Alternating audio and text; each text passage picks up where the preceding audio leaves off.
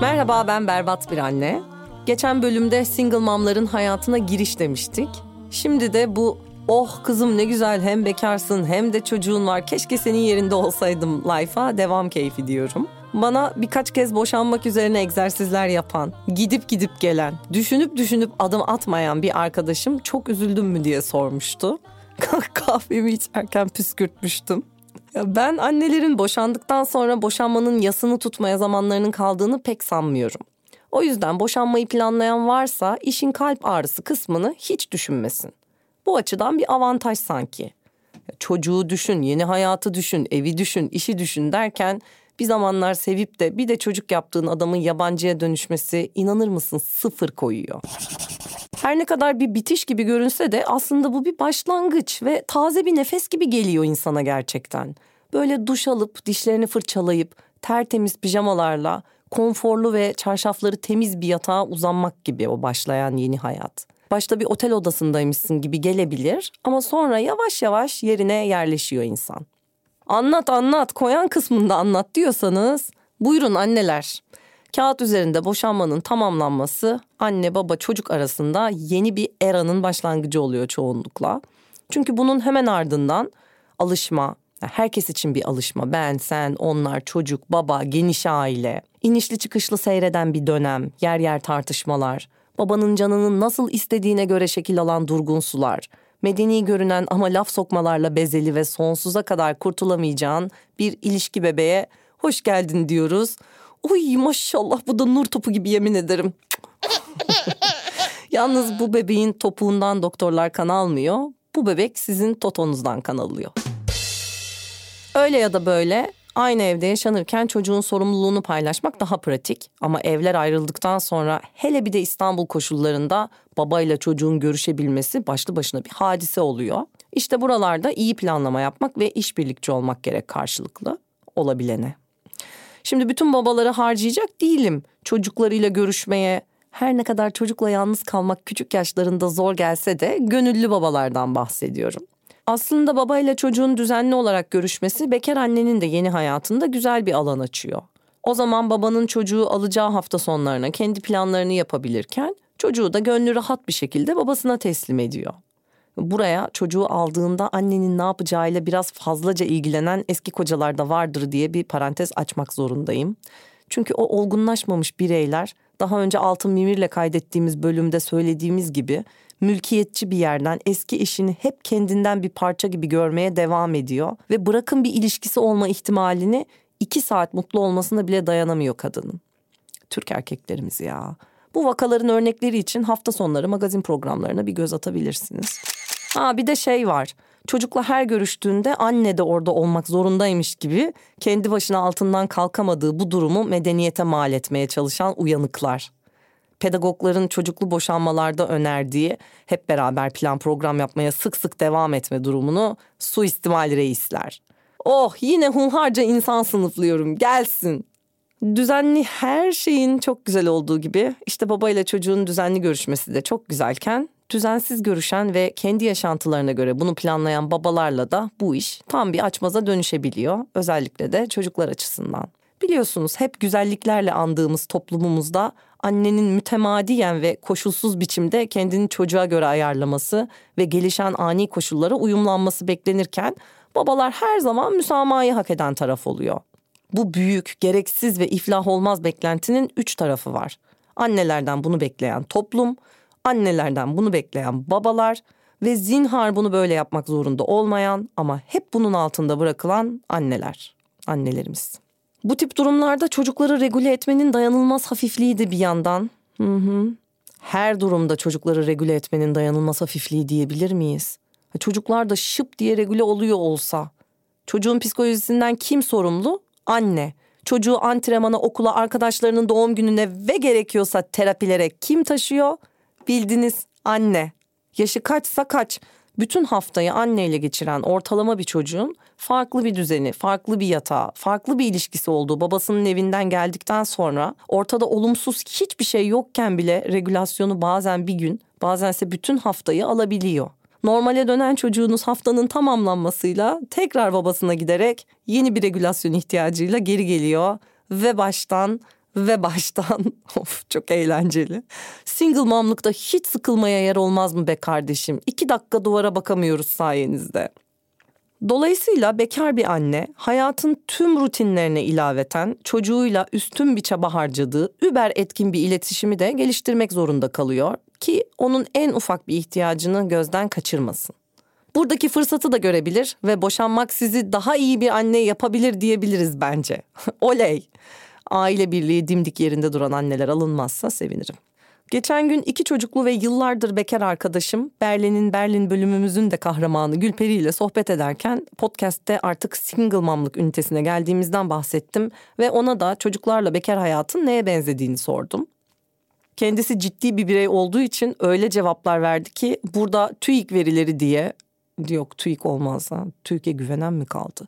Norveç Aile Bakanlığı'nın verileri diye paylaşsam yadırgamazsınız. Öylesine net ve gerekçeli konuştu canım benim.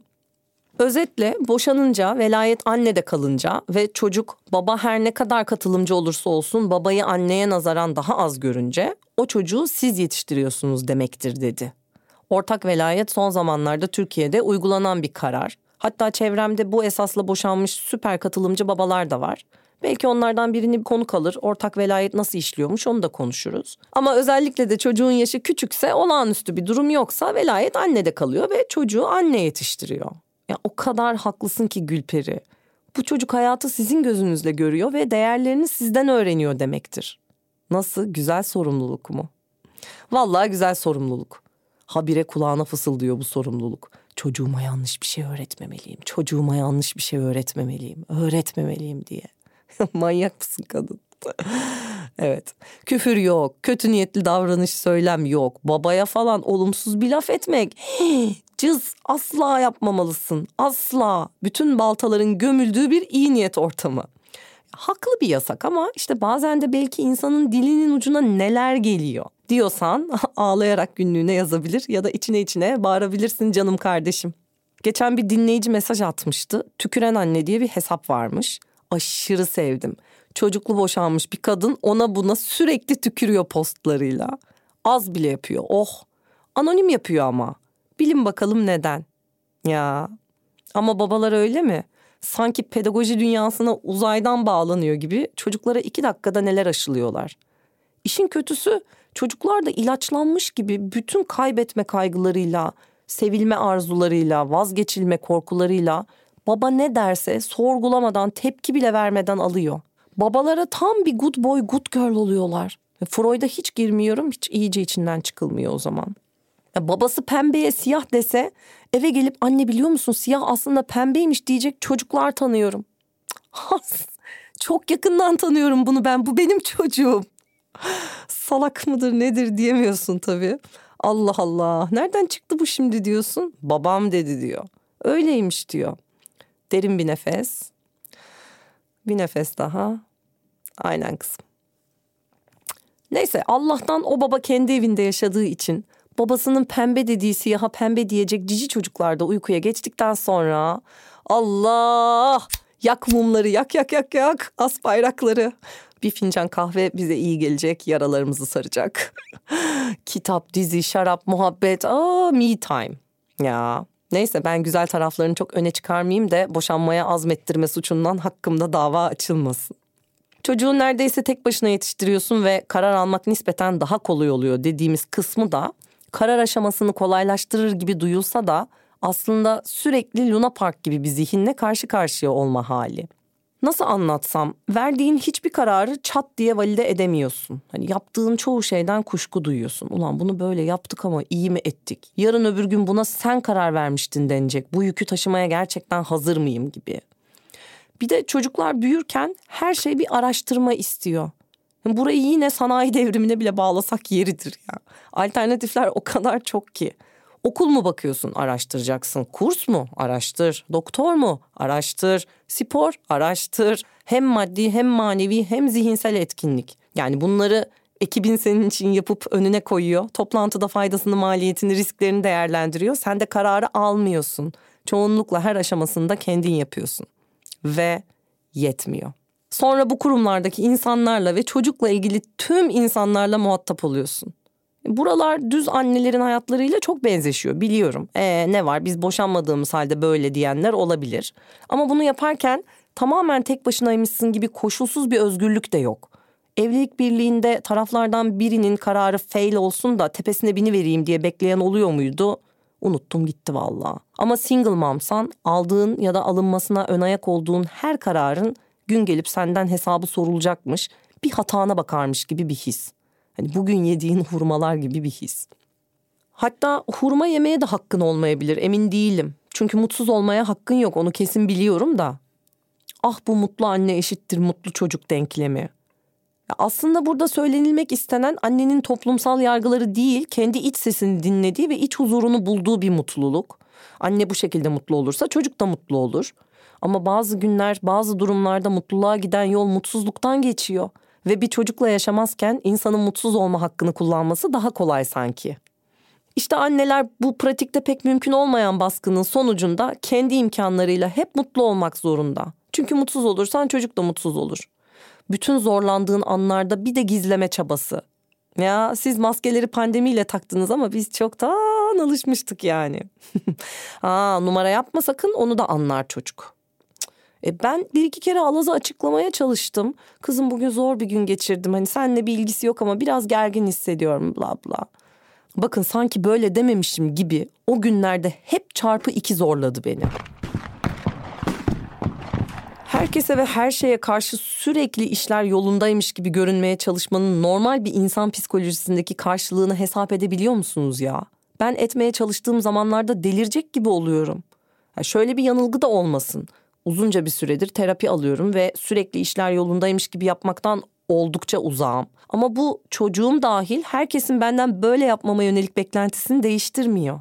Beklenti insanı vezir de eder rezil de. Ya aslında beklentilerimizi minimize etmeyi bayağı öğreten bir hayat single mom'lık. Ailenden, çocuğunun babasından, iş çevrenden, toplumdan, yetişkin bir bireyin kimden nasıl beklentileri olabilirse işte onları azaltmayı kafana vura vura öğretiyor. Peki ya hayattan beklentiler? Hayatın sana karşı biraz daha adil olmasını beklemeyi bırakamıyorsun sanki. Ne bileyim. Hadi diyorsun bak her şeyi yerli yerine oturttum yetmedi mi? Hayır.